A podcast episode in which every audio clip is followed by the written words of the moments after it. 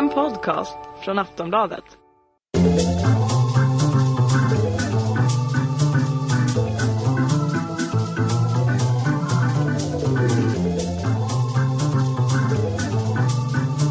We don't need no education.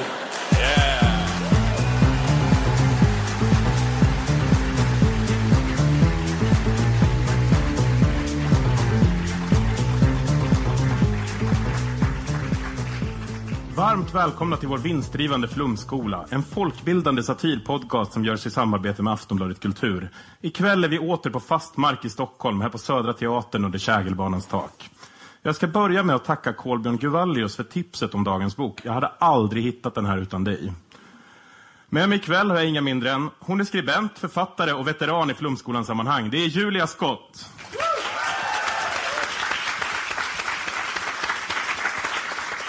Han är komiker och en av krafterna bakom podcasten Alla mina kamrater. Välkomna Martin Soneby.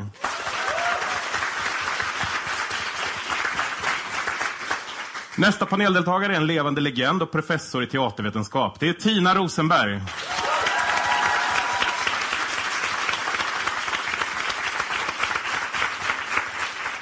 Och vår fjärde paneldeltagare är programledare S för PP3 i P3. Gott folk, ge en varm applåd till Linnea Wikblad.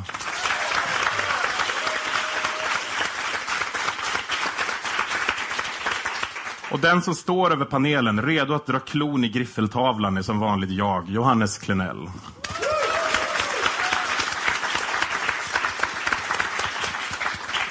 Boken vi ska läsa idag är författad av Jan Guillou, en man som inte behöver någon närmare presentation. Eller behöver han det?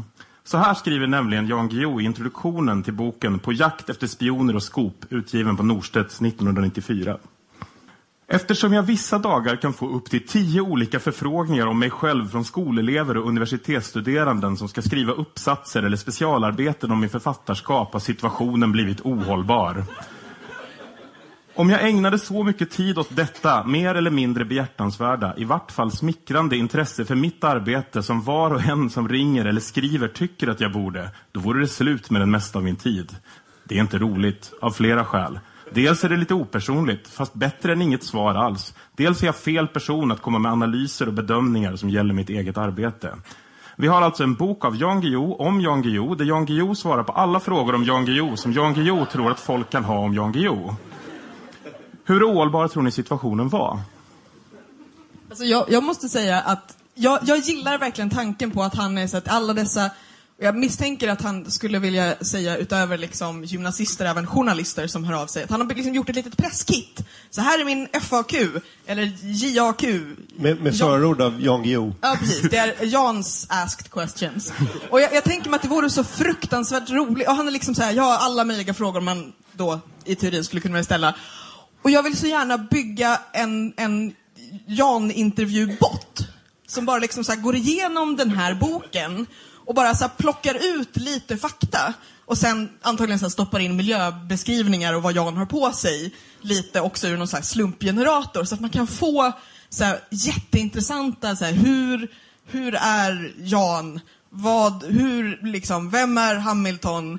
Alltså det är lite som, jag, när jag läste det så funderade jag på, så är den här som Värvet? Fast det är ingen som ställer några följdfrågor, förutom Jan. Eh, och sen var det lite så här, men det här är Jans sommarprat. Bara, en gång var jag liten och sen gjorde jag massa bra saker. Och så skulle han vilja liksom få sända det här sommarpratet år efter år efter år efter år och bara, först var jag liten, sen gjorde jag massa bra saker.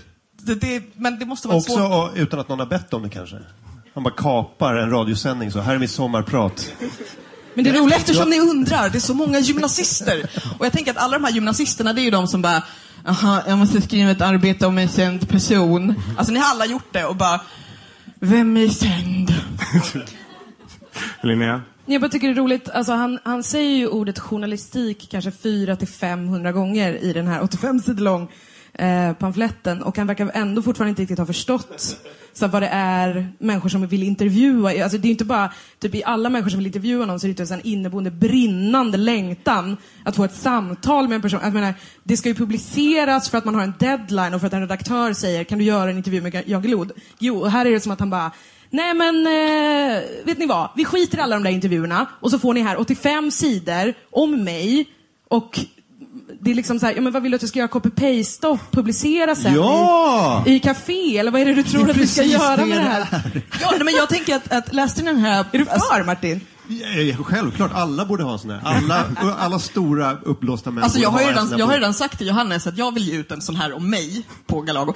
Nej men det jag tänker på, läste den här intervjun med Leif GW Persson i DN typ i helgen. Väldigt roligt just de här två männen. Där han så, du vet, så här, ringer sen och bara ni ställer bara fel frågor och korkade frågor. Ni antar massa saker om mig. Man bara, ja, därför att alla dina svar är alltid de samma. Vad skulle man bara, jag är minsann en komplex person. Och just det här att berätta, här för att ingen kan ju ställa så smarta frågor om Jan som Jan.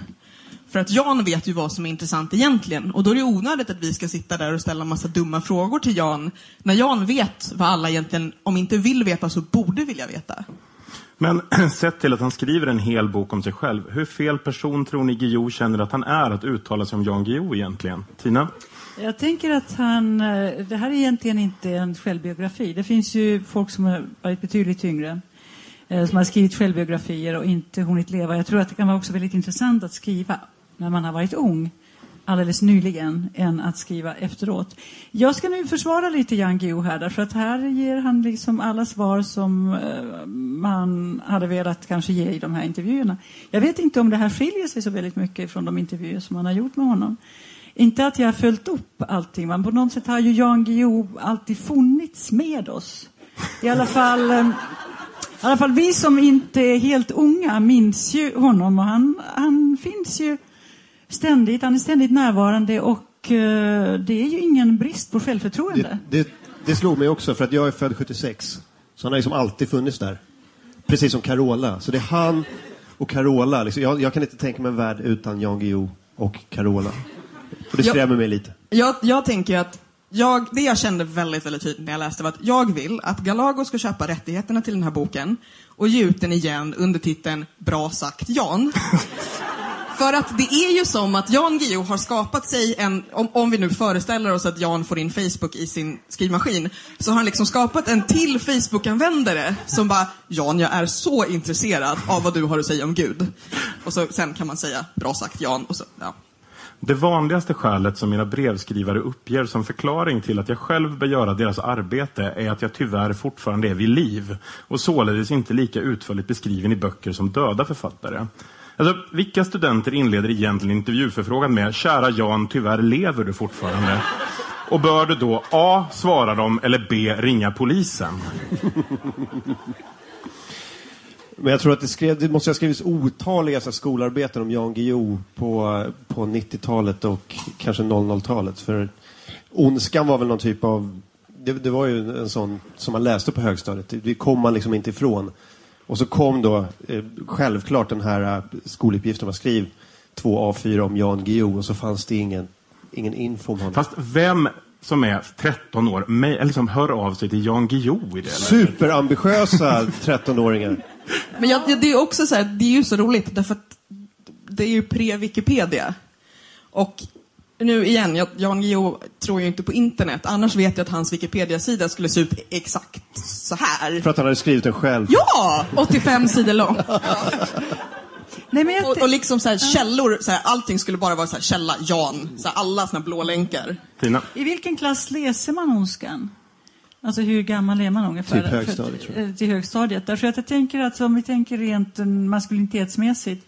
Eh, skolelever läser eh, En komikers uppväxt av Jonas Gardell. Och så har vi Ondskan av Jan Guillou. Och då kan man ju tänka sig att det här är två väldigt olika slags sätt att hantera verkligheten.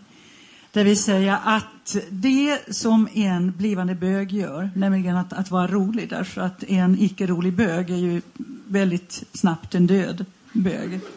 Och det är ju det, alltså det, det klassiska sättet att hantera världen är att du slår först innan du blir slagen. Och då liksom den strategi som finns för den som är pacifistiskt lagd är att vara rolig.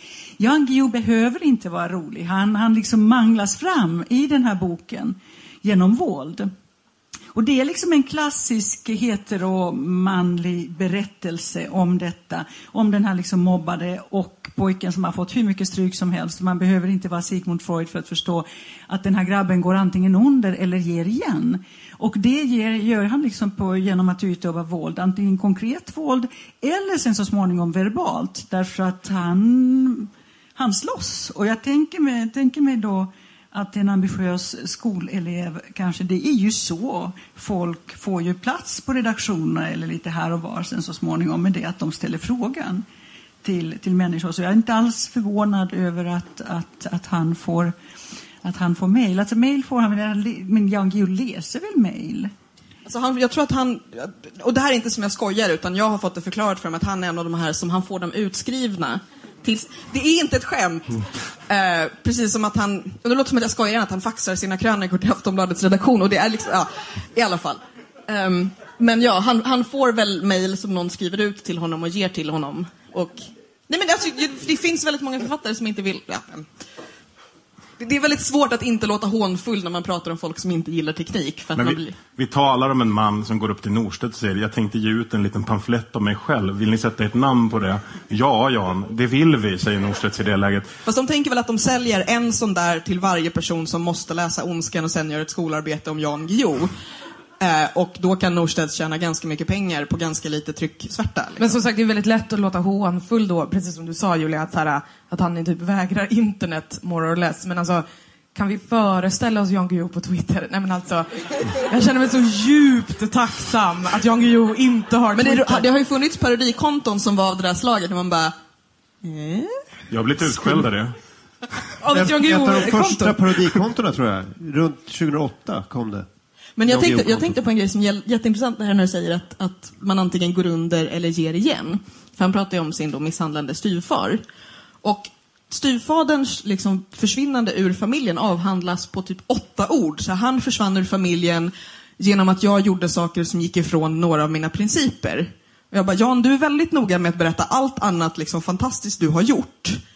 Och hur mycket du slår folk och hur mycket du ljuger för polisen. Och så här, vad exakt är det du inte vill berätta här? Han vill Ja, inte men- spoila slutet men- på Ondskan. Men pre- men precis, han har ju skrivit en hel bok om det. Alltså Ondskan var ju, handlar ju bara om pappan som slog honom. Fast Det var ju kapitel efter kapitel, så här ingående, vilka grejer han hade när han blev slagen. Vi kommer till det här. Men, men, men jag tror att det här är ju... Det här Så du tror att det- ondskan är inte förskönande alls i hur Jan Guillou, jag menar Ponti, beter sig? Det kan, vi, det kan vi, man bara spekulera i, men jag tror att det här måste ses som bonusmaterialet till Ondskan. Det här är liksom The lite, director's commentary. Ja, precis. Här är lite extra. Det här är lite, lite götti-götti ovanpå Ondskan. Liksom. Mitt tidigaste minne i livet är att jag ligger i en liten korg.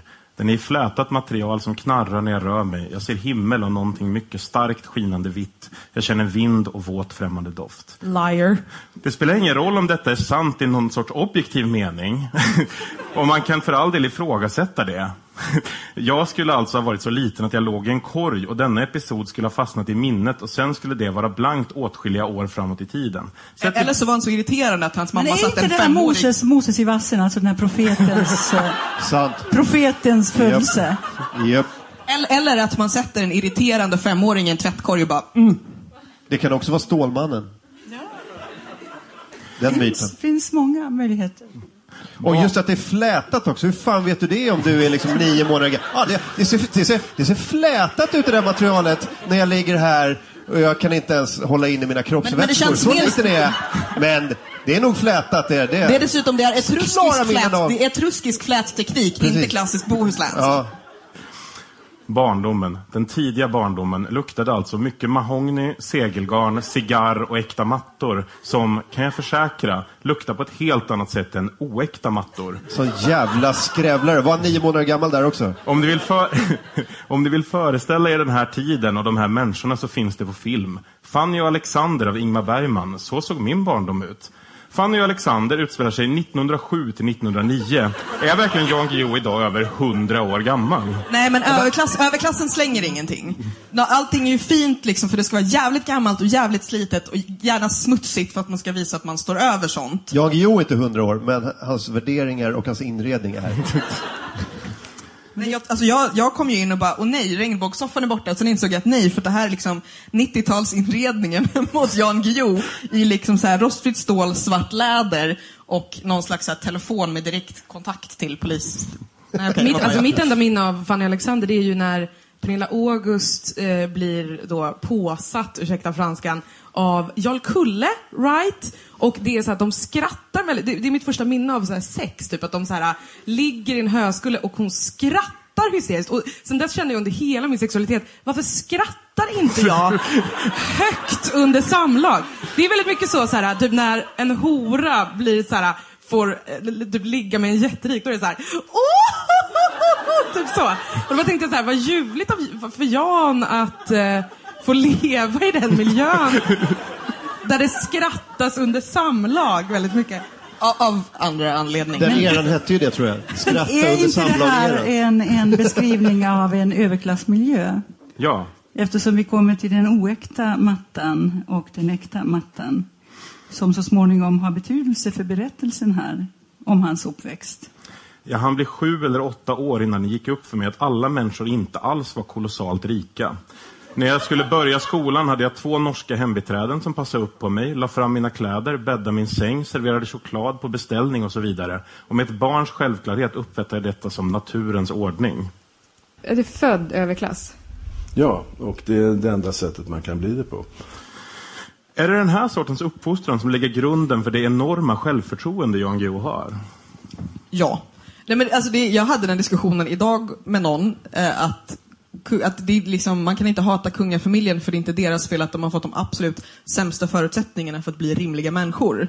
Och det gäller ju, nej men det är så att det, det absolut svåraste sättet att bli en rimlig människa är att leva utan konsekvenser. Att så här, allting du får, allting du vill ha kan du få, inklusive stryk. Och liksom allting går att lösa. Och alla kommer tro dig på ett helt annat sätt och allting går liksom bara så här. Oj, du körde ihjäl någon. Nej, men eh, vi hittar någon annan som kan ta det. Och liksom alla de här grejerna. Och där är en grej som jag tänkte väldigt mycket på i hans barndom. För att han säger att ja, men hans, hans mor blir gravid lite sådär i förbifarten första gången hon får gå utomhus, när hon är 18. Och då säger han, det här var före aborternas tid. Man bara, ja, ja, Jan, eh, jag måste förklara någonting för dig. Det nu. fanns trappor på den tiden också. Det fanns, det fanns trappor och stickor och allt möjligt. Men framförallt så är det så att överklassens döttrar hade, även på den tiden då aborter kunde vara väldigt farligt, mycket bättre tillgång till mycket bättre läkare som då liksom mystiskt skulle hjälpa dem med någon sån här lady problem och så råkade fostret ramla ut när de ändå var där och höll på med något annat. Men, men just det här, så här alltså var det ingen annan som reagerade på det här var före aborternas tid? Nej, jag tänker på att jag tycker att det är intressant detta när den här klassfrågan kommer fram. Därför att det är ju, jag tänker mig underklass, underklassens eller arbetarklassens revolter kan väl också ha sina arenor. Men, men jag tror att det skulle ha varit omöjligt att vara Jan Guillou utan att ha varit överklass. Han skulle aldrig ha blivit eh, trovärdig som en working class hero. Och det intressanta är det att om man vill vara fel på rätt sätt så måste man vara rätt från början för att kunna vara fel på rätt sätt. Därför att fel kan man bara vara på rätt sätt. Om man är fel på fel sätt så är man bara patetisk. Jag tror att jag förstår. Ja, Men är man rik är man excentrisk, annars är man galen. ja, ja, ja det är väl kort, kort sammanfattat. Men tillbaks till frågan. Alltså det, här, det var med hans självförtroende att göra va? Eh, hade, ska vi tacka styrpappa för att han spöade honom varje dag? För tänk hur hur det hade blivit annars. Det har Inga inte hänt Hamilton. än. Vi är inte där riktigt. Ja, ja, okej. Men alla vet ju om det. Ja, men det, ja, men det är ju det här, en så här bortskämd människa med ö, liksom själv, uppblåst självbild som dessutom får en överblåst hämndlystnad. är väl kanske inte det bästa. Det kanske hade varit bättre om hans styvpappa hade bara så här, tittat besviket på honom. Men är det ingen, alltså är jag, är jag den enda som ändå tycker om, alltså, ty- jag menar tycker om Jan Guillou? Japp. Jag, jag tänker så här att, ehm, att var det inte synd om pojken? Alltså om, om vi nu rent empatiskt mänskligt tänker på ett misshandlat barn så måste jag ju ändå tänka att det är klart att hämndlystnaden och arrogansen och detta att man ska minsann visa världen att den kommer någonstans ifrån. Va? Men jag tycker ändå... Men det är så svårt Det- att tycka synd om honom. Okej. Fast det är väl också... Fast det är också det att, vi, jag, eller jag ser det i alla fall som att jag, jag pratar om berättelsen, Jan Guillou, som är i den här boken. Och då är det intressant, tycker jag, hur han beskriver både, liksom, både mattor och styvfäder som en del i berättelsen om liksom, narrativet Ja, ja. Jan Guillou. Jag, jag kan gilla Jan Guillou. Jag har läst liksom alla möjliga sorters böcker, inklusive ett fantastiskt rymdepos som han skrev, som alla har glömt bort, som handlar om en flicka som åker till en annan planet och där skapar en helt ny civilisation själv med hjälp av en dator. Alltså, läs den. Gudarnas berg. Briljant bok. Men, liksom, men, men det här narrativet är så fantastiskt som en del i hela narrativet Jan Guillou. Och liksom, när någon berättar om hur fantastisk han är, oavsett om det är, alltså det, det, det går inte att göra satir på det här. Alltså det hade inte gått att skriva den här som satir om en fiktiv person, därför att man hade bara, en, en redaktör hade bara, men skärp dig. Jag tycker inte att han är fantastisk, men jag tänkte jag ville bara komma med en liten, liten åsikt här att lite synd tycker jag om pojken. Men, men visst, jag, jag håller med om det är berättelsen. Jag tycker synd om berättelsen. Om... Men jag tycker att det är så starkt också att alltid när han benämner då sin styvfar så är han ju fortfarande där i vreden. Alltså han är ju väldigt hämndlysten överlag, liksom, både i sin så litteratur men också i den här eh, berättelsen. Och i Ondskan, att han liksom, han, han krämar ju på, det är alltid den fasansfulla sa- han skulle slänga in jävla om han fick. Alltså, det, det tycker jag är ganska starkt ändå, typ när han berättar Ja, men om det här. det, det, man behöver bara gå till sig själv. Alltså, vi har alla vissa grundtrauman. Nu är det liksom inte Freud det handlar om här ikväll. Va? Men jag tror att vi alla har något litet trauma som vi bär på. Och om det är någon som kommer och petar på det alldeles för mycket, så då jävlar.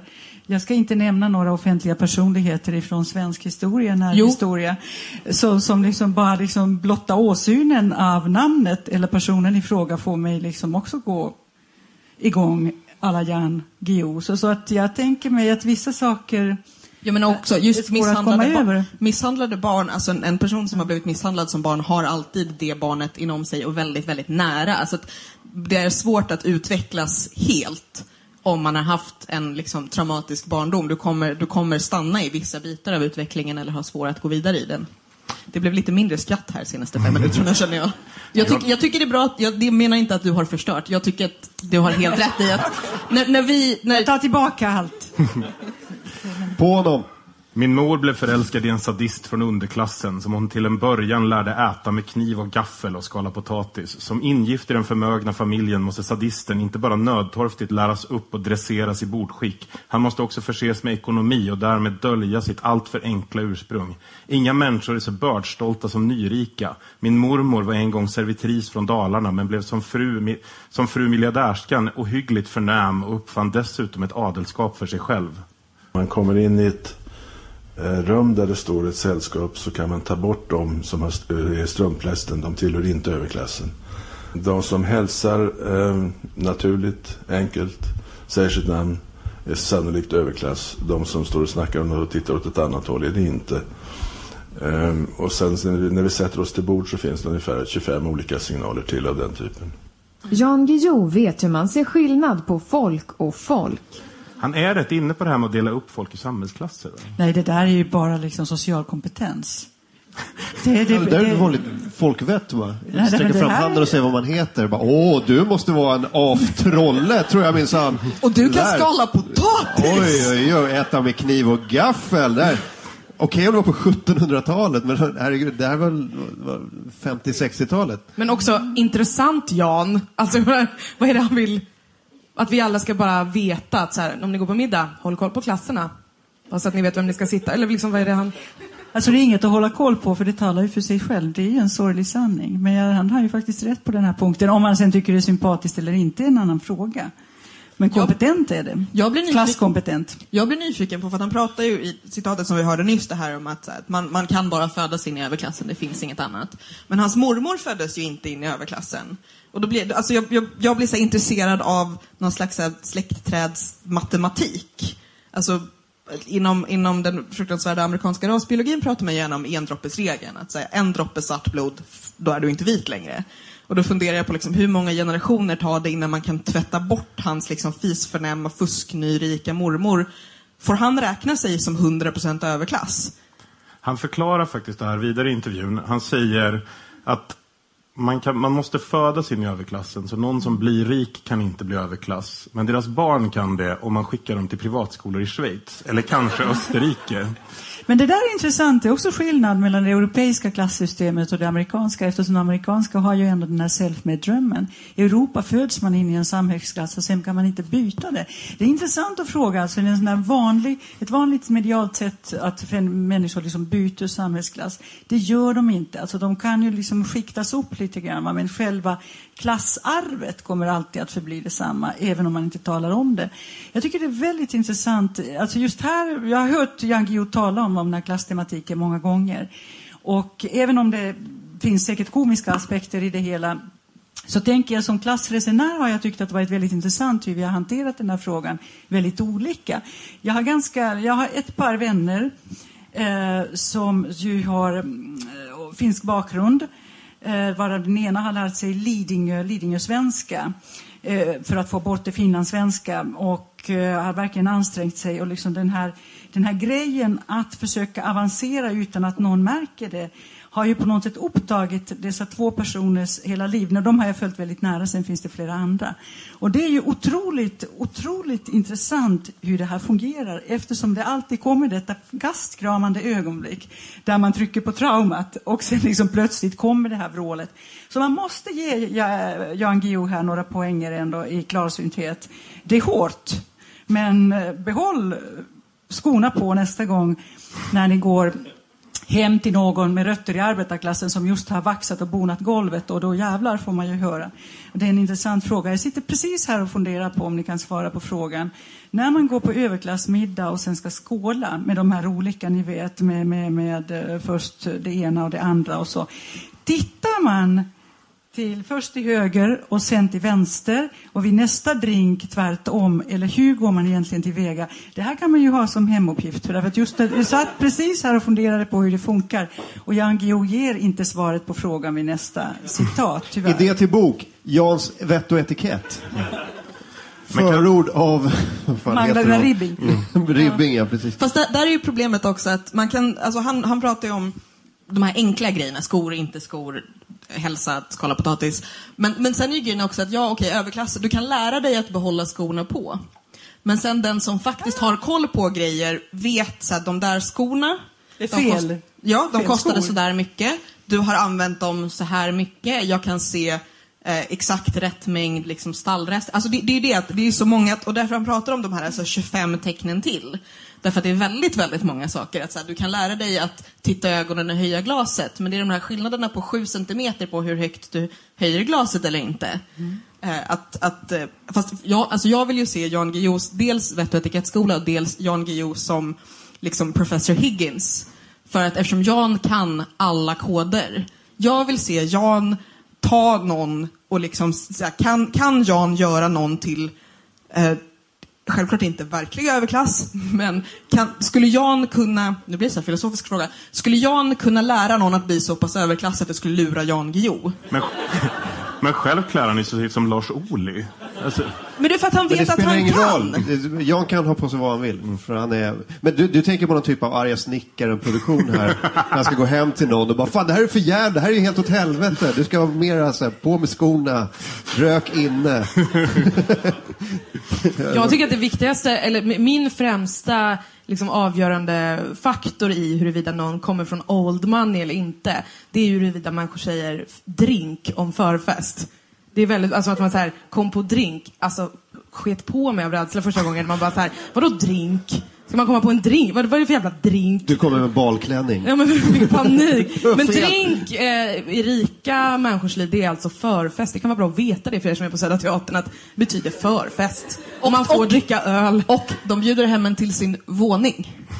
Ja, inte nödvändigtvis, men drink är... Nej, men är ordet, ordet våning. Ja, ja, lägenhet får man inte säga. Har du inte läst... eh, Men jag tycker ni är hårda, alltså ärligt talat.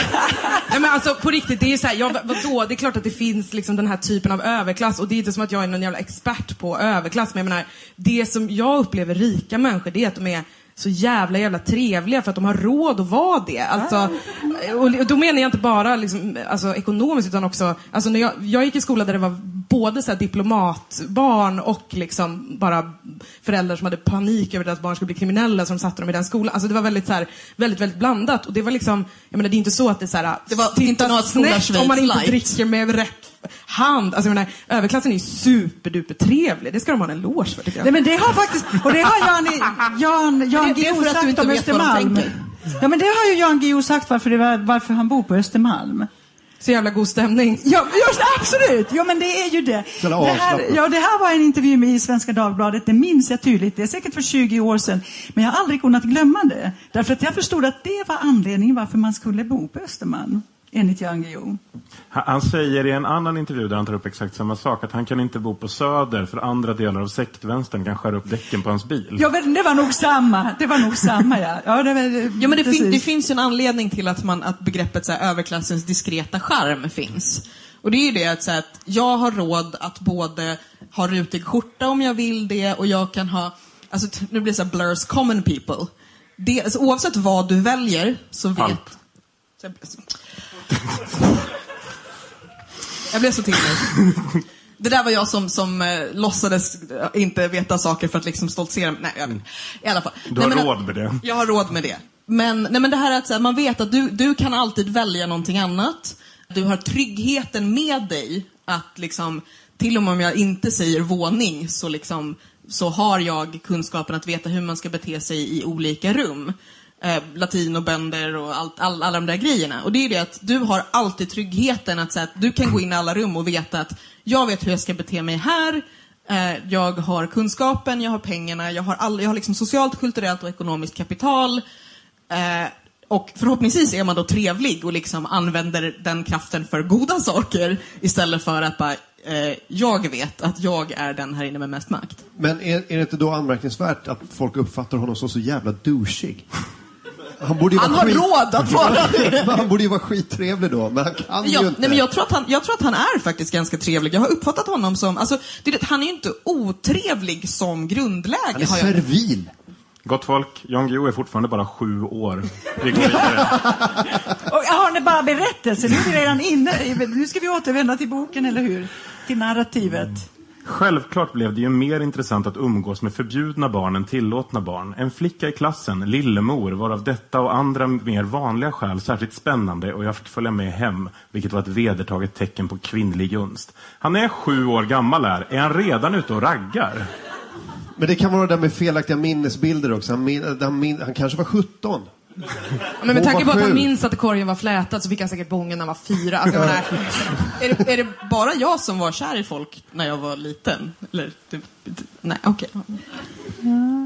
Nej, men det snacka sig liksom in på middag hos någon. Det, det kunde inte jag göra som sjuåring i alla fall. Fast den här, det är den här, ska vi leka, är ju egentligen vad han säger. Hon säger ja, du får följa Jag tror inte han sa det. Jan Guillou sa mer så här, jo, det vore anmärkningsvärt trevligt att komma över på...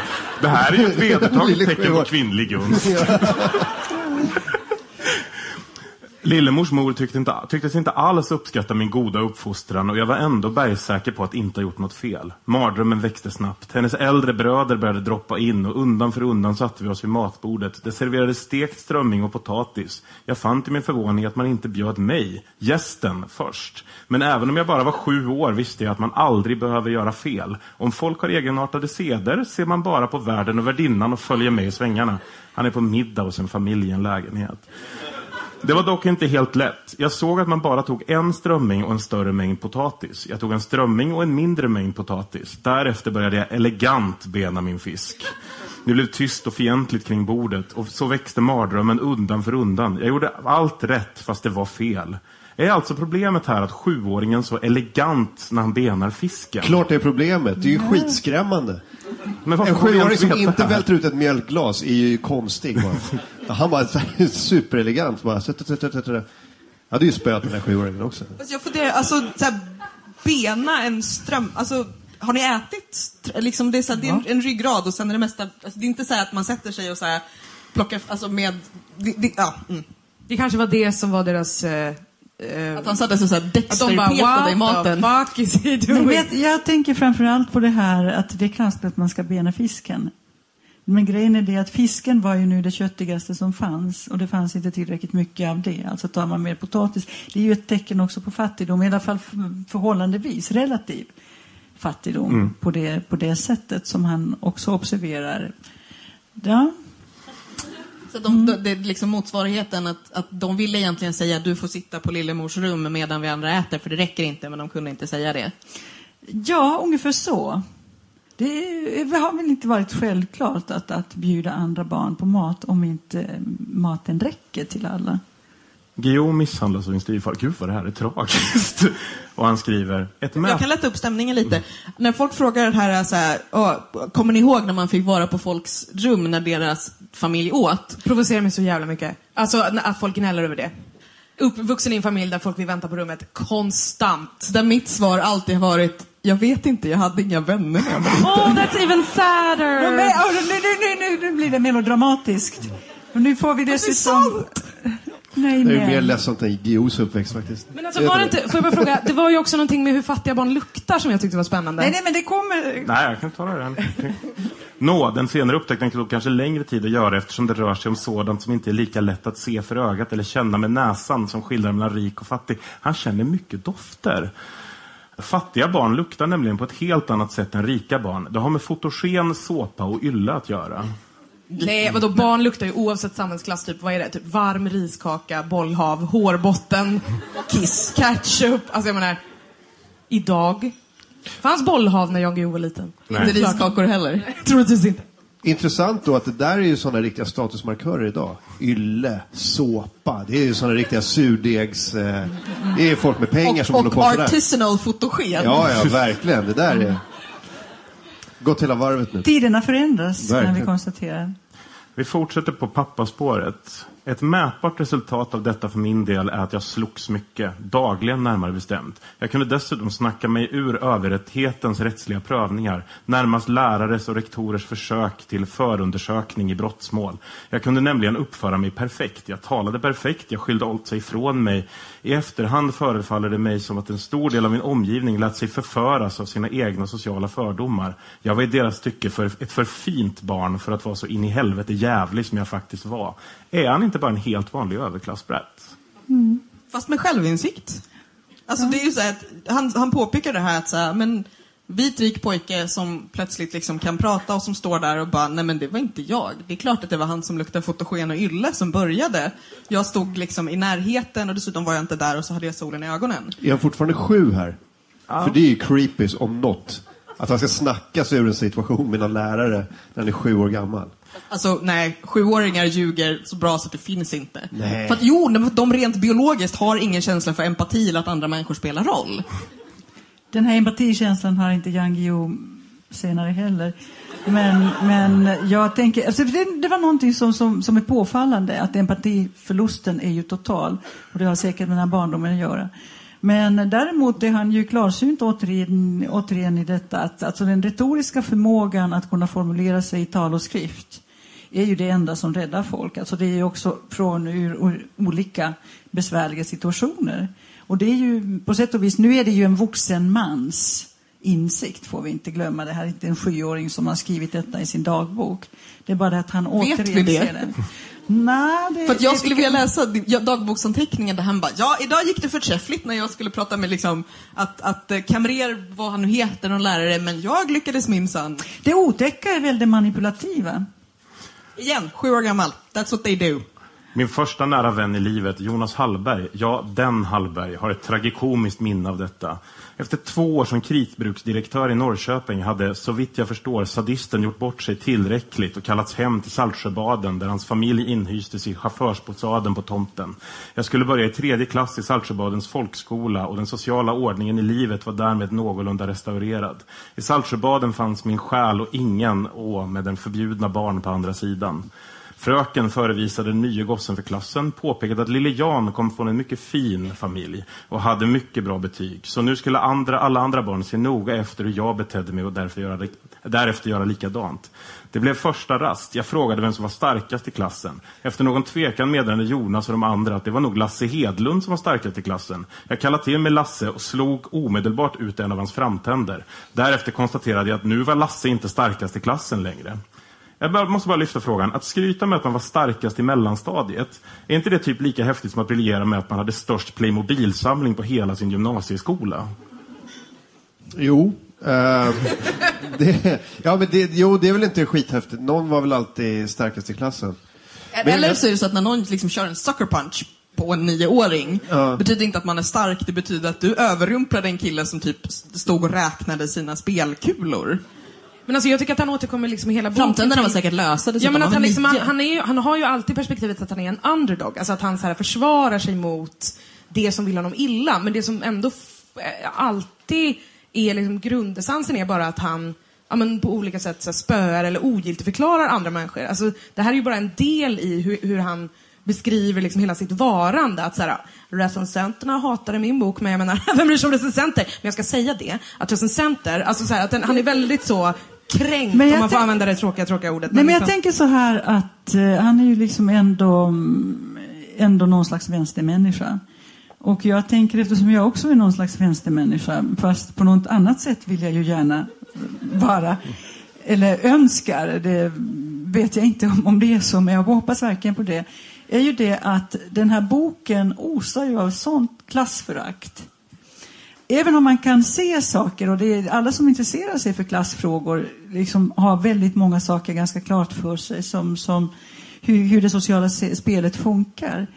Men klarsyntheten, eh, klarsyntheten liksom gör att, eftersom han ju inte är en underdog, även om han får stryk, eller om det finns många andra saker, så det är fortfarande den här underklassfarsan som slår, slår det här överklassbarnet och det ena med det andra. Så, så att jag, jag tänker mig tänker mig att någonstans i, i en slags grundmarxistisk utbildning har det ju funnits ganska betydande brister för att placera sig själv på den här kartan. Alltså beskrivningen räcker inte därför att han föraktar ju genom den här misshandlande farsan eller de illaluktande barnen eller det att man liksom att han var så elegant och det ena med det andra så föraktar han faktiskt fattiga och arbetarklass. Han är väl den perfekta leninisten på det sättet, egentligen? Okej, okay. Okej, nu blev det väldigt internt. Men, men, men det är också så att så här, det här det är ju på något sätt så här, det är det språk han förstår överhuvudtaget och det är det maktspråk han förstår. Att, så här, att sättet att visa att man är större är genom att slå någon på käften. Sen kan jag tänka, alltså jag blir lite så här att hur pedagogisk är en lärare som bara, det här är Jan. Jan är lite bättre än ni andra, lite smartare än ni andra. Titta på Jan och gör som Jan. Och man är så här, den här läraren har någon slags agg mot Jan redan från början därför att hon vill att han ska få spö. Så på det sättet är det lite så här, när du kommer till fängelset, hitta den största killen där och slå. Alltså det, det, är ju, det är ju precis den metoden han har. Men som sagt, jag vet inte om han är starkast för att man lyckas slå ut lösa framtänder på en nioåring. Enligt Jan så är han starkast. Under de två åren i Saltsjöbadens skola ägnade jag mig jämförelsevis sparsamt av våld. Det var någonting med några äldre killar som fått ligga i bakhåll för Jonas på hemvägen. Jag gillade en fälla för dem och fick dem allihop. Det var någonting med polisens son Roffe eftersom han låg bättre till hos Britt än jag själv. Det visade sig emellertid ge fel och ej avsett intryck på Britt att misshandla Roffe. Hon tyckte synd om den jäkeln istället, varför projektet snabbt måste överges. Det här är väl inte sparsamt med våld? Fast igen, han säger ju inte, han säger att det var någonting med jag fick dem allihopa. Han kan ju säga, jag spände upp en snubbeltråd. Alltså det känns som att om han hade velat att vi skulle veta exakt hur mycket våld det var, då hade han berättat exakt hur han hade gjort och vad. Men den här är lite så här. Äh, okej, jag måste säga att jag liksom var smartare och större än de här killarna, men om jag berättar vad jag gjorde så kommer det låta fånigt. Roffe var i avsaknad av intellektuell briljans. Jonas och jag var bäst i klassen. Men Roffe var en överdängare på fåglar och med detta tycktes han också göra starkt intryck på Britt. Vad är det här för människor? Han kunde plötsligt stelna till och peka och säga att det där var en träkrypare när vi andra bara såg en liten brun fågel med ljust bröst som pilade upp för en trästam. Jag tog en fågelbok och började från början. Kråkfåglarna stod först, korp på latin, corvus corax, kaja på latin, corvus corone och så vidare. Jag pluggade kort sagt in varenda fågel samt de latinska namnen. Ni har antagligen redan förstått. Det tog några dagar, dagar innan fågeljäklarna satt som de skulle och därefter yppade sig snart ett tillfälle. Titta en nötskrika, sa Roffe. Du menar en Garrulus gallandiaris, kommenterar jag nonchalant. Den avsedda och för min del således väntade effekten av detta projekt var att jag för någon tid erövrade Britt från Roffe. Där vanligt våld inte hjälpte fungerade dock intellektuellt våld. Skulle ni kalla Guillou för något av en Humble-bragger här? Ja, det där är ju total jävla brag. Det finns inget humble i det där alls. Fast alltså jag tänker att i alla andra svenska historier om liksom en uppväxttid så skulle det, det där tilltaget inte ha slutat på det där sättet. I alla andra, då hade det varit lite såhär, åh, jag tänkte att hon blir imponerad av fåglar, nu ska lära mig fåglar på latin. Britt skrattar, Roffe slår honom. Han, alltså, eller, har ni också läst alla de här svenska upp, uppväxtskildringarna? Att det, Ja, det- tönt, smäll, Precis, det, det, men det, måste, det måste ju vara för att, för att Jan egentligen är starkast i klassen, att han kan visa att han har både liksom brains och brawn. Att han, han kan slå ut framtänder och känna igen nötveckor på latin. Men det var Eller också- han känner inte igen den, någon annan känner igen den, han kommer ihåg vad den heter på latin. Men när, för här är jag nio, eller vad är, vad är det här? Det är så konstigt för att prata om den där Roffe som saknade intellektuell briljans. Men fan, säger nioåringar det till andra nioåringar? Det är ju, det är ju också det är ju genomdouchigt. Va? Roffe, du är i avsaknad av intellektuell briljans. Jag är bättre än du. Intellektuell. Man har ju inte någon intellektuell någonting som nioåring, eller? Har man Men alltså, inte... Det är en Jag, bara, efterkonstruktion. ja, men jag tänker också att om Roffe då kan fågla skitbra, det, är alltså, det är väl okej. Då är man väl inte helt utom intellektuell briljans, man är nio och bara älskar kråksläktet, typ. Alltså, jag tycker han är hård, Jan, här. Det Verkligen. finns väl värre nioåringar? Imagine the softest sheets you've ever felt. Now, imagine them getting even softer over time. I'm here to tell you about Bowl and Branch sheets. In a recent customer survey, 96% replied that Bowl and Branch sheets get softer with every wash. They're made from the rarest organic cotton and designed to get softer over time. Try their sheets with a 30-night guarantee, plus 15% off your first order with code BUTTERY. So head to B-O-L-L and branch.com today. Exclusions apply. See site for details. Jan blir nu skickad till den delen som är beskriven i Ondskan. Och då skriver han så här. Rektor hade nämligen gått vidare där polisen gått bet. För när det gällde att, gällde att slingra sig undan förhörande poliser hade jag inga svårigheter. Jag kammade bara ner Elvisvågen och bytte språk. Istället för gängets kommandospråk och Stockholmsslang talade jag plötsligt kall och perfekt överklassvenska. Det var bara att meddela att god dag, jag är från överklassen och har inte med de här busarna att göra. Jag är blott ett offer för olyckliga omständigheter och kamratförtryck. Man får stryk om man inte gör som de stora grabbarna gör. Sa han verkligen god dag, jag är från överklassen? Nej, det måste ha varit i det underliggande meningen, va? Ja, jag tänker också att det är metaforiskt. Alltså han byter språk. Han vet ju hur han ska ta sig ur Det vore ju situationen. väldigt, väldigt roligt. Igen, så här, barn är ibland lite dåliga på så här, vad man ska och inte ska säga. Så det hade ju varit väldigt roligt och också inte omöjligt att tänka sig en nioåring som liksom vet att han är från överklassen. Vet att, så här, att det här är, bara säger God dag konstapeln, jag är från överklassen. Jag ska berätta för er att jag sommarjobbade på Ordfonds marknadsavdelning en sommar. Och så Var det där ringer, en skamhostning eller en faktisk hostning?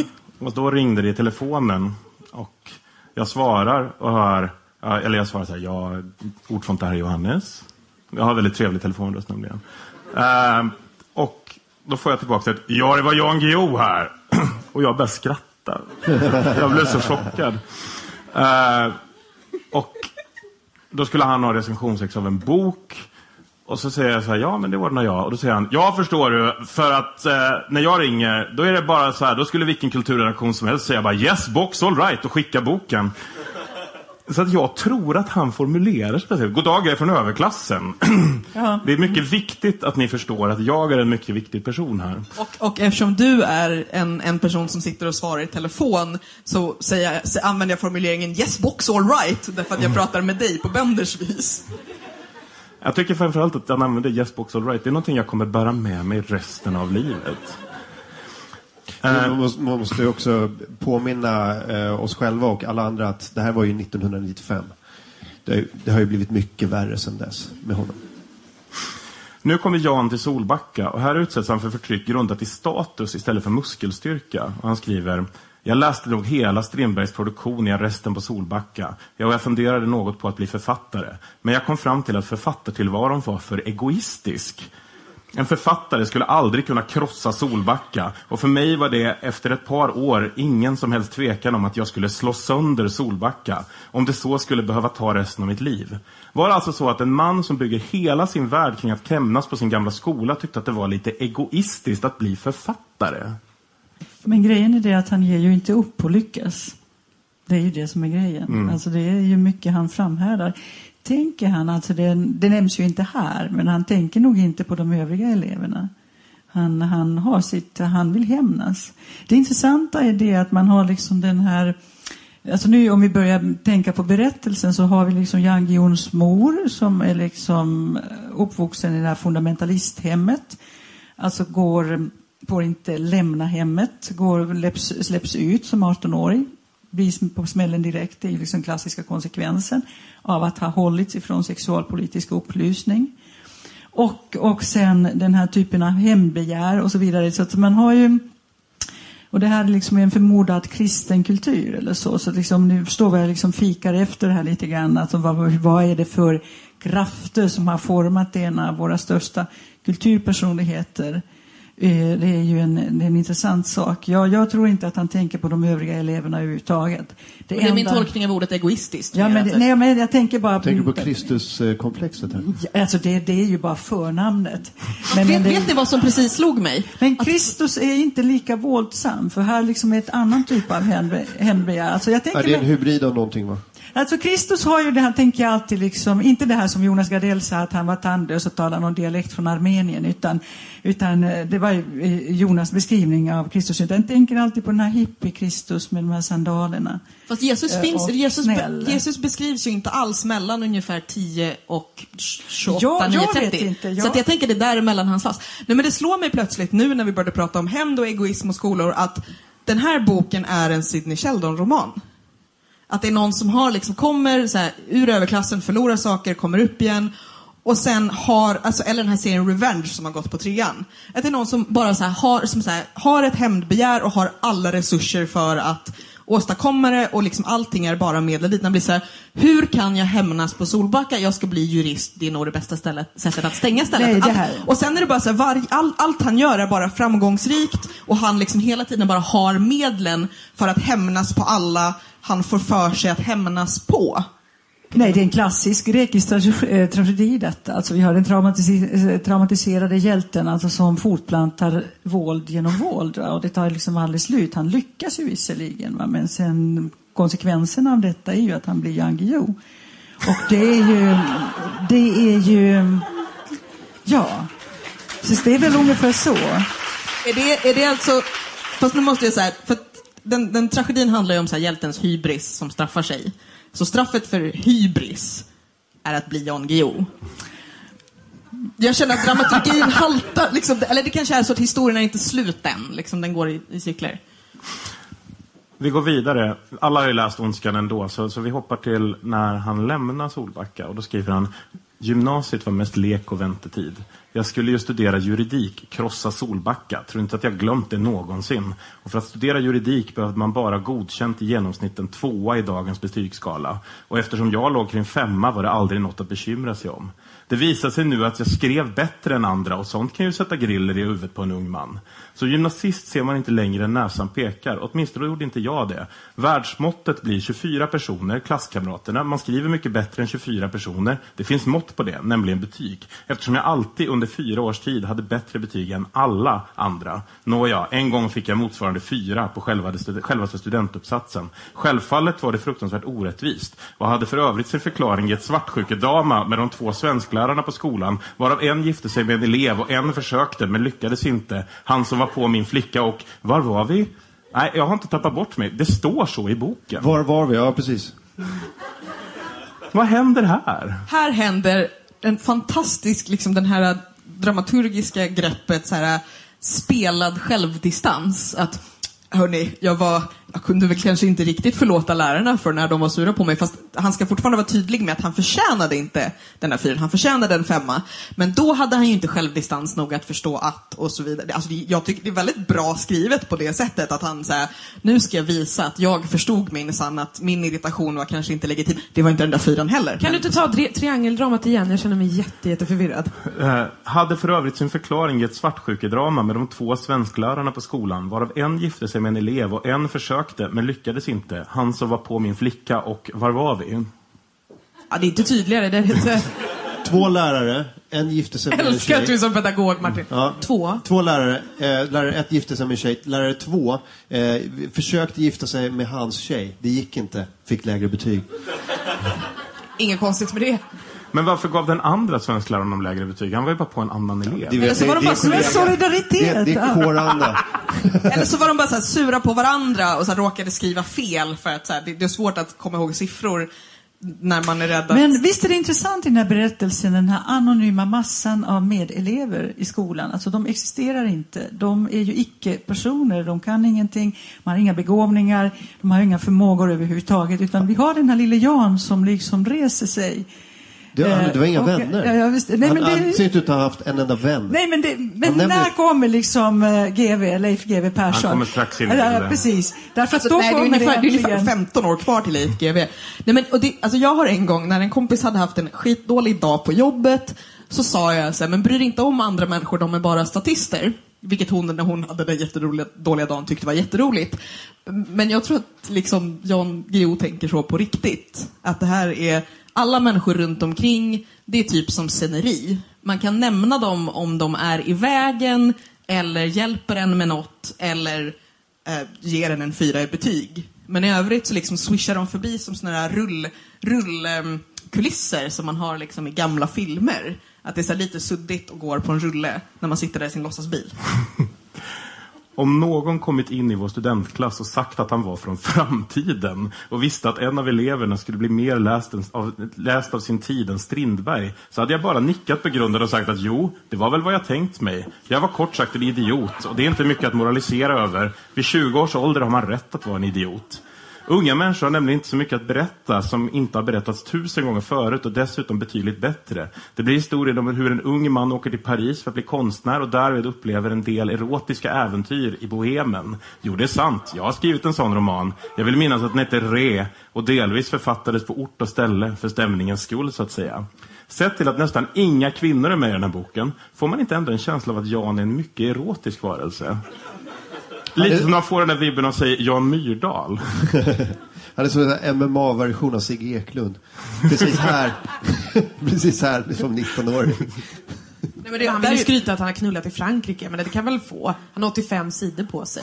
Fast han, han skryter inte med att han har legat i... Han, har, nej, nej, han skryter Han med att han har åkt i, till Paris för Och- stämningens skull och, och där skrivit, skrivit om, om en ung man som...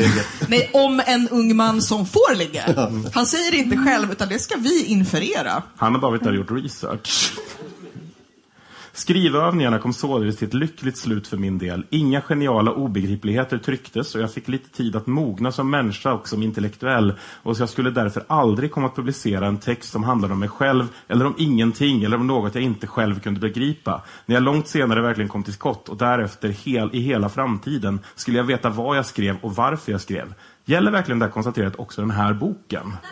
Alltså jag, jag älskar ju det här eh, för att det är så här, för att han, det som har hänt precis innan i boken är att han berättar om alla refuseringar han har fått i liksom olika steg. Först bara formbrev nej tack, sen det här är lovande men nej tack och sen du får komma på ett möte där de säger nej tack. Och det, alltså det här är ju så här, jag ville ändå inte vara ihop med dig. Alltså det är så att han i efterhand är så här, alltså det var ju lika bra att jag inte blev utgiven. För att så här, vi inte ska tro att han liksom hade en, en så här creepy så här, seriemördarvägg hemma med varje refuseringsbrev med liksom röda anteckningar på. För, eller, är det bara jag som tänker det? Att den här är så här, nej men det var lika bra. Eh, Det, det är ju bara han som försöker trösta liksom 20-åriga Jan som sitter där och bara, nej för det är ingen som vill ge ut min bok om när jag knullar i Men det han, det han säger är ju, det är det, han säger är ju så här, när jag, om någon hade kommit in i klassrummet och sagt en här inne kommer bli nya Strindberg. Och han Då hade jag tänker, sagt, "Jag." ja det är jag. Men jag var galen, jag var bara 20 år. Man bara, men du säger ju nu att du är Strindberg. Eller vad- vad- alltså, det, är som att han, det är som att han tror att han är ödmjuk. Alltså, det här är enda punkten i boken där han är ödmjuk fast han, han misslyckas. Men det, är igen, det, är- den här fej, underbara fejkade självdistansen. Och jag tänker också att det, det hade varit så roligt om man hade, nu hade Johannes berättat så här, en av de andra människorna som satt i det där klass- klassrummet var Stig Larsson.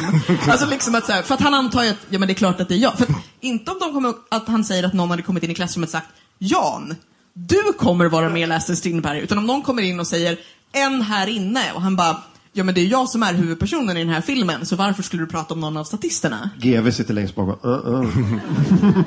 Jan får jobb på FIB-aktuellt och lyckas krossa Solbacka.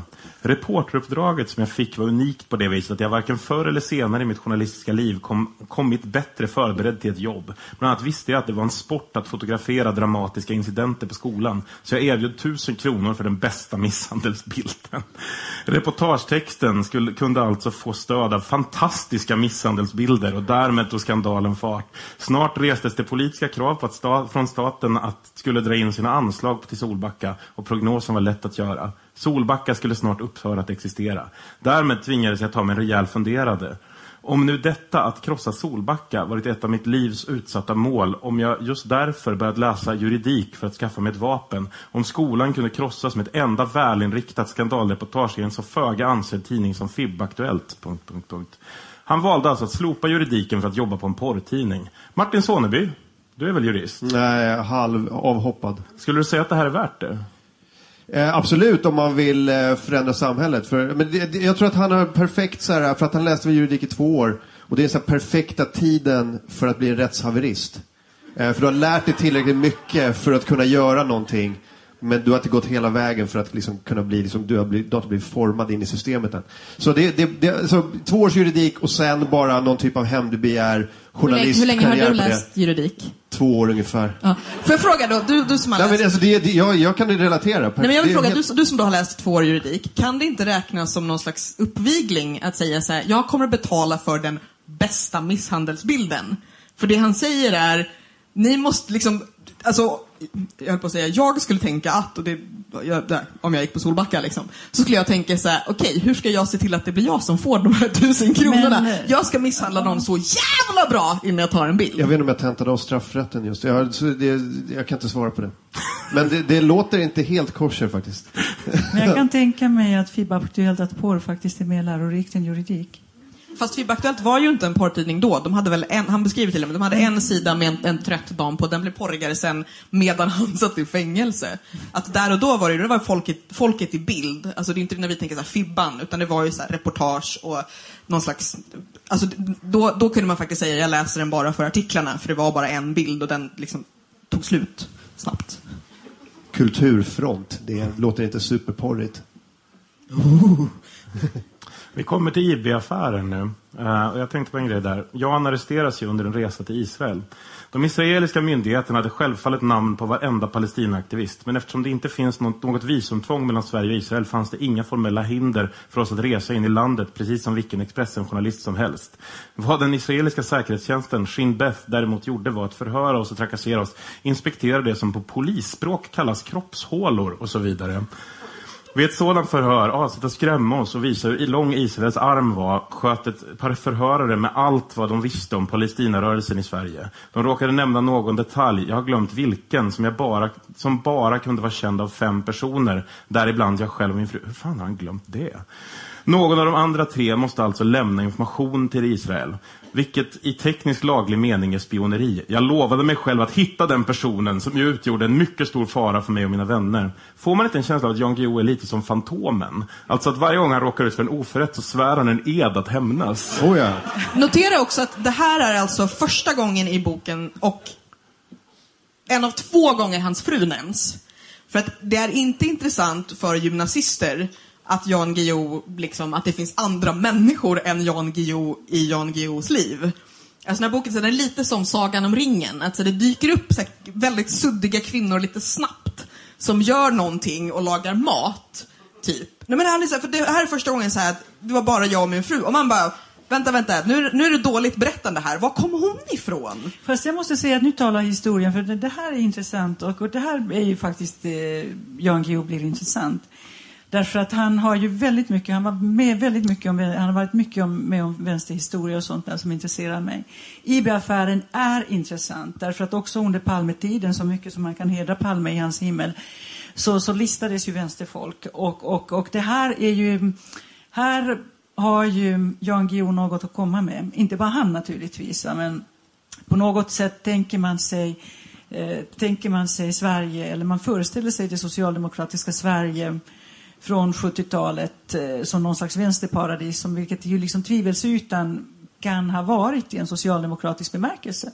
Men allt vänster om socialdemokratin listades och det, var liksom, det gör man ju säkert fortfarande.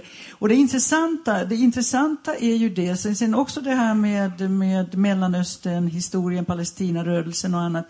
Så här måste man, det här tycker jag att, att GO har gjort i sina dagar väldigt många väldigt kloka och skarpa analyser. Va?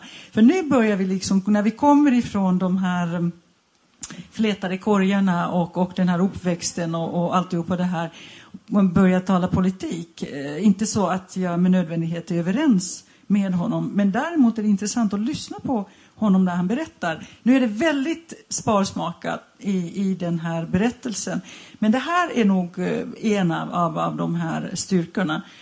Jag kan tänka mig att det är ju dels vad han liksom innebär som vänster, vänsterminne, men sen är det att Jan Guillou har ju en enorm känsla för dramatik. Så att det, det liksom han blixtsnabbt kan han ju dramatisera en situation som i och för sig är ju helt oombett dramatisk som sådan. Så att, fast, fast det är inte där jag känner, för som du säger, så här, det är väldigt sparsamt berättat här. Och jag kan ju känna att oavsett liksom, som gymnasist, journalist eller person som är intresserad av svensk historia så är det ju de här bitarna där jag faktiskt önskar att han skulle bre ut sig på det sättet som han gör i andra bitar. För att, alltså jag blir också nyfiken på, och det, det är väl en, en, del av både så manlighet och manlighet i den generationen han kommer i, att han kanske inte skulle berätta vad han, hur det känns att bli eh, liksom intervjuad av både palestinska och svenska poliser. Hur, jag vill ju veta, så här, vad tänker du? Tvivlar du någonsin? Eh, hur, vad tänker du när du sitter i fängelse? Alltså liksom, de grejerna. För att han, man får veta väldigt, väldigt mycket vad han tänker och känner när han är, när han är liten och, och liksom flörtar med lillemor. Men man får inte veta så här, sen. För att jag, eller jag vet inte, jag tänker att när han ska svara på alla frågor som alltid kommer, är det aldrig någon som frågar var du någonsin rädd? Och, alltså jag, jag, han kan ju åtminstone liksom ställa den frågan till sig själv så att han kan få säga nej för jag visste att jag gjorde rätt. Eller någonting. Nej men jag tänker bara psykologiskt vad det innebär att vara ett traumatiserat barn och hur det här traumat återuppväcks till exempel. Jag menar det, ja, situationen var ju lite annorlunda i Israel-Palestina-konflikten på 70-talet än vad det är idag. Men likväl dock en konflikt. Och vad det aktualiserar, alltså kroppsvisiteringar och detta att man ja, inkräktar eller kränker den personliga och kroppsliga integriteten. Det finns ju många saker, förutom de storvulna politiska fantasierna som man ju också kan ha. Och det är ju att om man är lagd eh, åt eh, konspirationshållet så då är det ju Mellanöstern är verkligen rätt adress ju fortfarande för det är liksom är ju många olika möjliga slags tolkningar. Men det, men det är klart att det är de personliga aspekterna, hur man förhåller sig till, till det. Alla som har varit i Mellanöstern, eh, till exempel i, i Israel och Palestina eller de här gränsövergångarna och så vidare, vet ju att det är ju unga pojkar som är i krig överhuvudtaget. Och det som jag tänker då att eh, jämte den här vänsterhistorien som är intressant, men det som jag som feminist tycker är så otroligt svårt när den historien berättas, som du säger redan utan kvinnorna, men utan någon som helst insikt om vad det innebär att vara man. Och vad maskulinitet innebär och vad, in, vad innebär den i dess med, mest, mest våldsamma form. Vi kommer faktiskt till en manlig historia med lite finare slut och det är ju Geijeraffären. Eh, för här träffar han ju faktiskt någon han tycker om. Expressen och andra tidningar vägrade också att publicera och plötsligt var Peter Bratt och Leif GW Persson inte ensamma ute i kylan. Vi fick sällskap. Det ledde till att Leif GW Persson och jag träffades och jag började jaga och till att Leif, numera en av mina närmaste vänner, skrev tre kriminalromaner som blivit klassiska och översatts i ett stort antal språk. Östermalmshallen? Ja, det är klart det står helt Du dödar rådjur. Ja, precis. Jag tänkte på den där delen.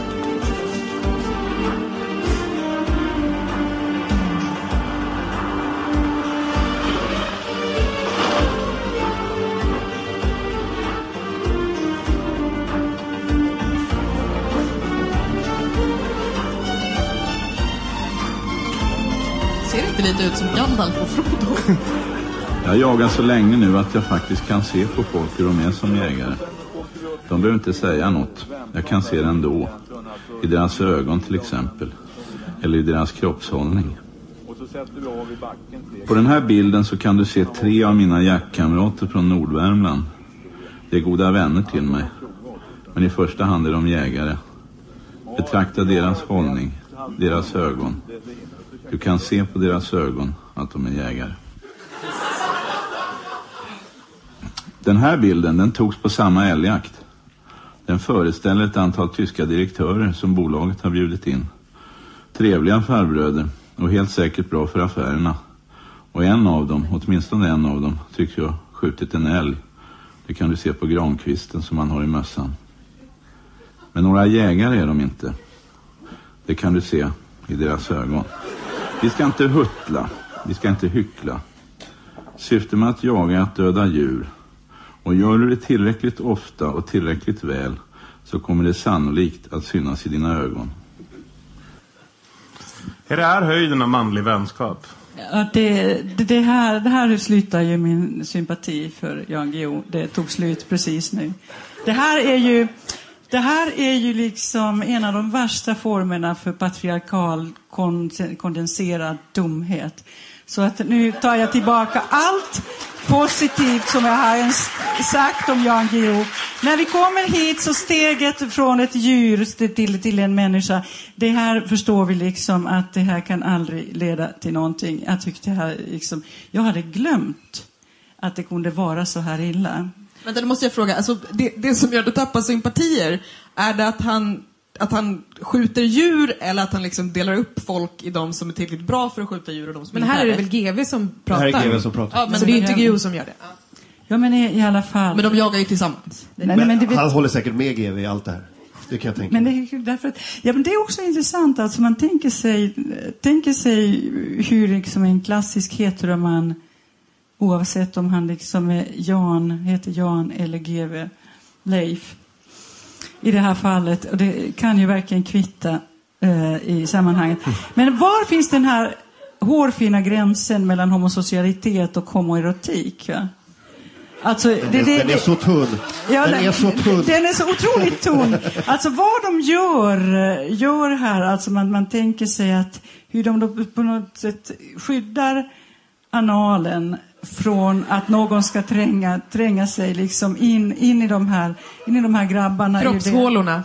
Kropp, kroppshålorna, ja. Nu fick ju kroppshålorna också sitt, sitt, sitt svar. Alltså, allting faller på plats. Allting faller på plats här så Men småningom. att han åkte till Palestina bara för att våga göra det han annars inte vågar göra. Ja, men så, alltså, Han grej- jagar med GV bara för att kunna göra det han annars inte vågar. Och så vidare. Ja, nu, nu blev det här riktigt... Alltså jag tänkte så här att när jag, när jag kommer till det här programmet, i den här trevliga pratstunden, och då tänkte jag att nu ska, nu ska, nu ska det vara trevligt. På ett sånt här Har du riktigt, lyssnat på riktigt svenskt. Men jag tänkte att man, man, man kan, på ett riktigt svenskt sätt ska det vara trevligt. Nu måste jag säga det att, att efter den här provokationen så ska jag hålla i mig att inte säga det nu jag har på tungan. För jag Jo, tror... jo! Nej, nej, nej, nej. Nej, nej, nej, nej, nej, nej, nej. Därför att eh, du... Nej, nej, oj, hjälp. Det, är alltså, det, Vänta, det, vänta, Tina, kan, kan du viska i Martins öra så kan han säga det så får han ta skiten för det? Nej, alltså grejen är, nu blev det riktigt, åh gud vad jag börjar svettas. Det här, nu, nu, nu blev det svårt. Alltså jägar, jägargrejen blev, blev svårt. Och tyska direktörerna, de har ju Volkswagen i alla fall, tänkte jag nu. Att, eh, det är väl ungefär. Det här, det här var svårt. Vi hoppar till kapitlet Övriga frågor Nej, om inte hoppa, inte Hamilton. hoppa. Jag vill veta vad Tina vill säga. Jag vill jättemycket veta vad Tina Det var en jätteöm tå för att du, du, vi pratade om så här, klassamhället och jättemycket våld och eh, eh, att man misshandlar ett barn på regelbunden basis. Eh, och så här. Men just det här, skjuta en älg. Där, det var där. Då, då brast det för Tina. Ja, men det, det är ju inte, inte bara det, va? utan på något sätt tänker man sig... På något sätt tänker man sig att, att, eh, att vi ska kunna leva tillsammans.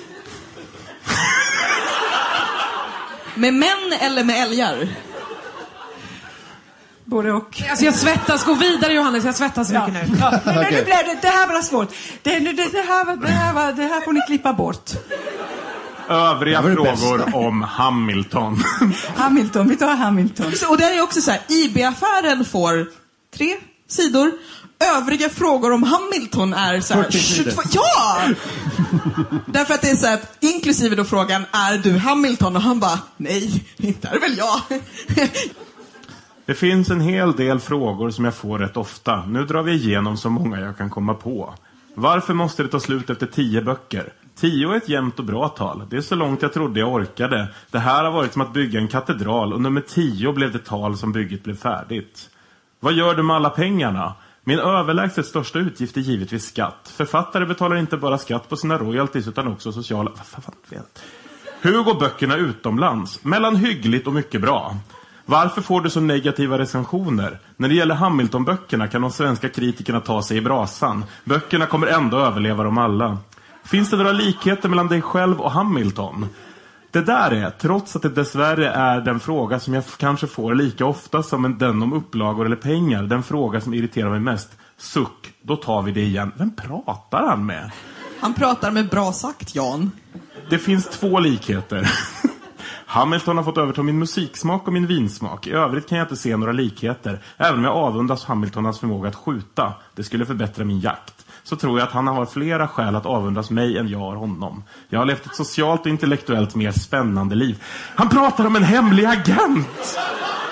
Men min bästa, min, min bästa i, av de där frågorna är ju när han då ställer frågan, skulle det blivit bättre om du skrev manus till Hamilton själv? Och då skriver han, anar jag lite ironi i frågan? Man bara, ja det är ju du som frågar dig själv Jan. Alltså, han anar lite ironi i någonting som han frågar sig själv. Fast det är just för att han tänker att folk ska bara liksom bygga de här intervjuerna. Folk ska klippa och klistra ihop det här.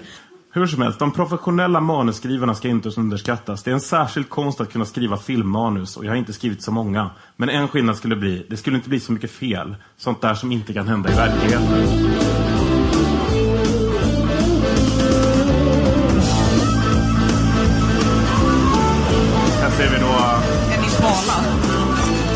Raggare. Sunes pappa. Vad snygg Per Morberg var. Sunes pappa går ut. Nöjda Säpoagenter. Pet. Sunes pappa häller en öl över raggaren. Ner i raggarens tröja.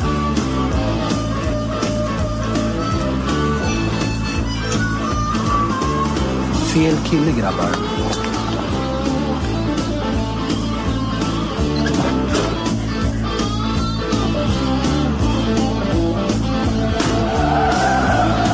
Biljakt. Direkt. Alltså det här är väl ganska avancerat manusskrivande ändå. Alltså vad jag känner där är att vad man vill är ju att de, av någon anledning skulle de här Säpo-agenterna sitta i någon så här pytteliten sån här hundkoja och sen ska liksom Peter Haber veckla ut sig. Alltså du vet den här scenen som ofta är i amerikanska komedier när så här, det vecklar ut sig en så här två och en halv meter långt muskelberg. Men istället kliver han ut i liksom sin instoppade t-shirt och av oklar anledning blir raggarna tysta. De har inte sett att han har vapen för han har det på ryggen. Utan han bara så här blänger på dem och när, när Hamilton talar så tystnar djungeln eller någonting. De bara, oj, oj, nej men han sa ifrån. Ja men då vet vi inte hur vi ska bete oss. Ja, men man, man ska inte glömma bort att Hamilton är en jägare och man ser det i ögonen vad han är för person. Han är dessutom, ska vi säga, Jan är mycket noga med det i boken, han är faktiskt inte hemlig agent, han är underrättelseofficer. Det är i filmer som man blir hemlig agent, för då är det fel. Vi skyndar vidare. Finns Hamilton i verkligheten? Jag arbetar alltid på de yttersta marginalerna av sannolikhet. Försöker dock att inte gå över den gränsen. Har ni hört någon enda militär någon enda gång säga att det här är inte sant eller inte skulle kunna hända? Alltså, vi har ju inte hört Joe Labero säga att Harry Potter är helt orealistisk heller. Vad är det här för argument? Nej, det är väl också att, att militären har väl alltid som princip att om någon säger går det här så säger man varken ja eller nej därför att då har du avslöjat någonting. Så att om, de, om, han, om han lyckas avslöja exakt hur det är så är de så här helvete. Men de skulle aldrig säga jo men precis så här är det. Vi är exakt så här taffliga. Och om han upp, avslöjar att de är skitbra så skulle de inte heller säga det för då har de också avslöjat hur de jobbar. Jag kan varken bekräfta eller dementera det, den där grejen. Men, men bra sagt Jan. Vi avslutar med kapitlet åsikter. Har vi lämnat Hamilton här? Nu har vi lämnat Hamilton. Va? Vill du säga något mer om Hamilton? Ja, jättemycket. Otroligt mycket. Kan vi prata om... Kan, Jag trodde aldrig jag skulle säga, kan vi prata lite mer om dig Jan? Trodde jag inte att jag skulle säga, men jag känner lite det just i de här Det har nog ingen sagt någonsin. kan, vi, kan vi inte bara prata mer om dig som person? Han skriver ju lite om sig själv i det sista kapitlet som är två sidor långt. Han har skrivit en del om sig själv innan Hamilton-biten kom. Fast här också. kommer hans åsikter. Någon gudomlig mening med livet. Så har någon någonsin frågat, avsikt- men vad tycker du egentligen Jan? Tell us how you really feel. Någon gudomlig mening med livet, någon högre avsikt tror jag alltså inte på. Men jag tycker inte heller den saken spelar någon roll. För eftersom vi nu finns här, avsikt eller ej, gäller det bara att göra det bästa av situationen. Mycket viktig information om Jan Guillou. Jag tillhör inget politiskt parti och röstar inte av det enkla skälet att jag inte tycker att politiker ska ha några applåder från pressläktaren. Som journalist representerar jag den tredje statsmakten. Jag är till för att bevaka den politiska makten och det är det uppdraget i sig är en starkare politisk maktutövning än att gå och rösta med några års mellanrum. Intressant. Eh, jag minns ett stycke från en eh, Hamilton-bok där Hamilton säger exakt samma sak. Fast med förklaringen att jag jobbar för Försvarsmakten. Vi ska inte vara politiska. Vi, vi eh, skyddar Sverige oavsett vilken regering som sitter. Det är en mycket viktigare utövning av makten att gå och rösta vart fjärde år på något parti. Ja, ja, ja, ja någonting, någonting. Men eh, det, det, finns sådana Hamilton-paralleller överallt. Naturligtvis står jag i de flesta frågor mer eller mindre långt till vänster. Det måste ha framgått av allt jag skrivit. Jag kan omöjligt sympatisera med de borgerliga partiernas inställning till världen. Att världen är till för de starkaste och mest lyckade individerna. Det är en syn vi kan ha på djurlivet där den starkaste hanen segrar för att just han ska sätta nya barn till världen så att rasen förbättras. Är det verkligen så att, vi ser en bild av Folkpartiet här, är det verkligen så att de här gynnarnas främsta målsättning är att förbättra rasen genom de starkaste hannarna? Här är ju också, jag älskar ju det här därför att det här är en sån här typisk, alltså hela den här idén om alfahannar, betahannar och liksom hur man ska, därför att allt det här med djurlivet handlar inte, och nu, nu nördar jag ur här, men så här, det här med survival of the fittest är inte fit som i starkast, utan som i bäst anpassad. Är du kanske den som är bäst på att hjälpa någon att vakta ägg, grodyngel eller vad det nu kan vara, så kanske liksom du är den som så här snikar in medan den starkaste hannen är, är ute och slåss med den näst starkaste hannen och då är det dina gener som går vidare. Eller för den delen, du har den märkligaste liksom fjäderrumpan. Men det är väldigt typiskt för Jan Guillou-typen av man. Men alltså Allt Julia, vad säger, det här, om- vad säger det här om honom? Alltså, vad är, det, vad är det han är bäst lämpad för då? Alltså... Ja, nej, jag vet inte riktigt och jag vet inte riktigt heller. Alltså, det, det känner att jag känner att jag behöver sätta mig ner med både Jan Guillou och Jan Björklund och säga Jan, berätta hur du egentligen känner och så får vi se vem av dem som känner någonting först. Nej, men jag menar mer, alltså det, det, det ja, nej. Mm. Jag tror att, jag tror att, att Jan Guillou har inte läst The Game, därför att det behöver han inte göra, därför att han vet redan allt där i. Men just de här idéerna om alfahannar och naturen. Eh, eh, nu, nu var jag på väg att börja prata om jakt igen, bara för att se vad Tina skulle säga, men jag ska försöka uppföra mig. Nej, men du, vi har en bild på mm, folkpartister. Alltså, jag kan inte tänka någonting mer vulgärt och smaklöst än borgerligheten.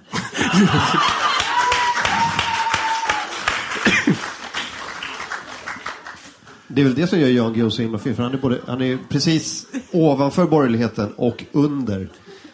Han har ju lämnat det där fritt. Eh, borgerligheten, det som ligger emellan. Han, han står bredvid och är den enda som kan göra den objektiva, sanna analysen utifrån för att han ser det vi andra inte har sett.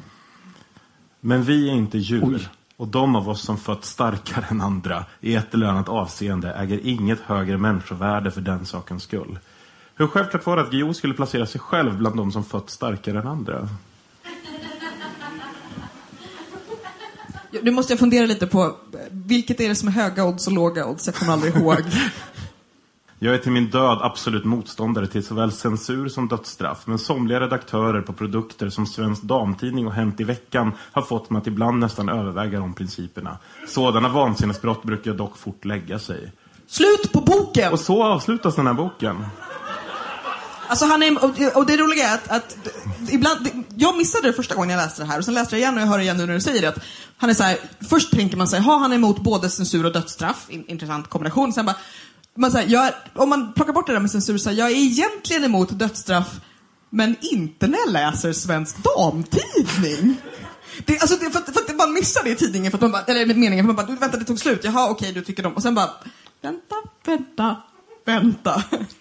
Om jag, om Det är jag, kul att han som har stått liksom med och haft olika, ja men, inte vet jag, israeliska poliser uppe i kroppshålorna. Han, när det bränner till, det är när Svensk Damtidning ringer. Då är det... och, och, så här, han, har satt, han har satts i fängelse för att liksom ha avslöjat saker som Jag var sant som liksom, statsmakten gör mot sina egna eh, invånare. Han har hamnat ute i kylan för att de har avslöjat också saker som var sanna som maktutövare gjorde. Men det han hatar mest är kändisar. De är precis som vi. De har också celluliter. Nej, men jag tänker att då har ju Hänt i veckan och Svensk Damtidning gjort någonting väldigt rätt.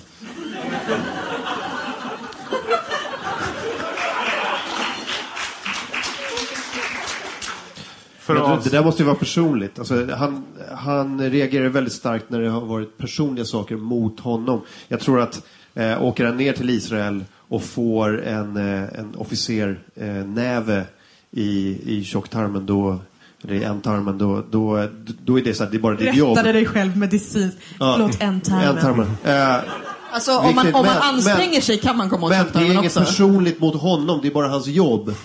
Men när Expressen eller Se och Hör eller Solbacka eller någon annan så här institution har gjort någonting mot honom personligen. Det är då det bränner till. Då bränner det till lika mycket Förlåt, som när vi måste- pratar måste bara- här- här- Rosenberg. Eh, det här med, med hänt, hänt i vecket och Svensk Damtidning. Eh, för att det finns en sekvens där han pratar om att det är eh, Bonnier startar en, på 60-talet och under allt det här. Bonnier startar en vänstertidning med en IB-agent som chefredaktör. Och eftersom jag är som jag är så är det så här, jag måste försöka räkna ut vilken tidning det här är och börja försöka hitta så här, vilka tidningar startades då. Och det är ganska svårt, däremot kan man se vilka tidningar som startades då som fortfarande finns kvar. Och det är Korsordstidningen, Vi föräldrar och Allt om mat. Och, jag, och då, då också blir så här, jag, jag, jag vill så gärna, jag vill så nu, Om det inte hade varit det här med vänstertidning, så, men just det här att jag tänker mig att jag, jag är så sur för att en svensk IB-agent som är chefredaktör för Vi föräldrar. Att liksom det är ett bevis på... Så det kanske är någon av dessa damtidningar som som har en IB... Förlåt, alltså det, här, det här är inte skå- skådespelet. Jag kom på detta slog mig nu, jag kan inte andra. Så det är politiskt ändå menar du? Nej, det är vänsterinriktade korsord med hemliga, hemliga meddelanden. För att inte tala om allt om mat. Alla de här är ju ganska Vänta, ändå. Den bruna maten får plötsligt en helt annan innebörd. För att avsluta det här nu då. Vem ska läsa den här boken? Syriska flyktingar.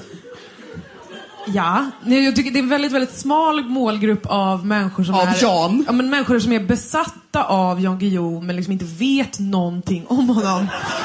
Tänker jag är liksom de enda som skulle kunna ha en, en, eh, en, en ärlig glädje av den här väldigt djupgående 85-sidan. Eh, som ändå är väldigt ytlig också. På Er, erkänn en grej. Du som är programledare och intervjuar väldigt många människor i radio och det kommer liksom nya människor hela, hela tiden.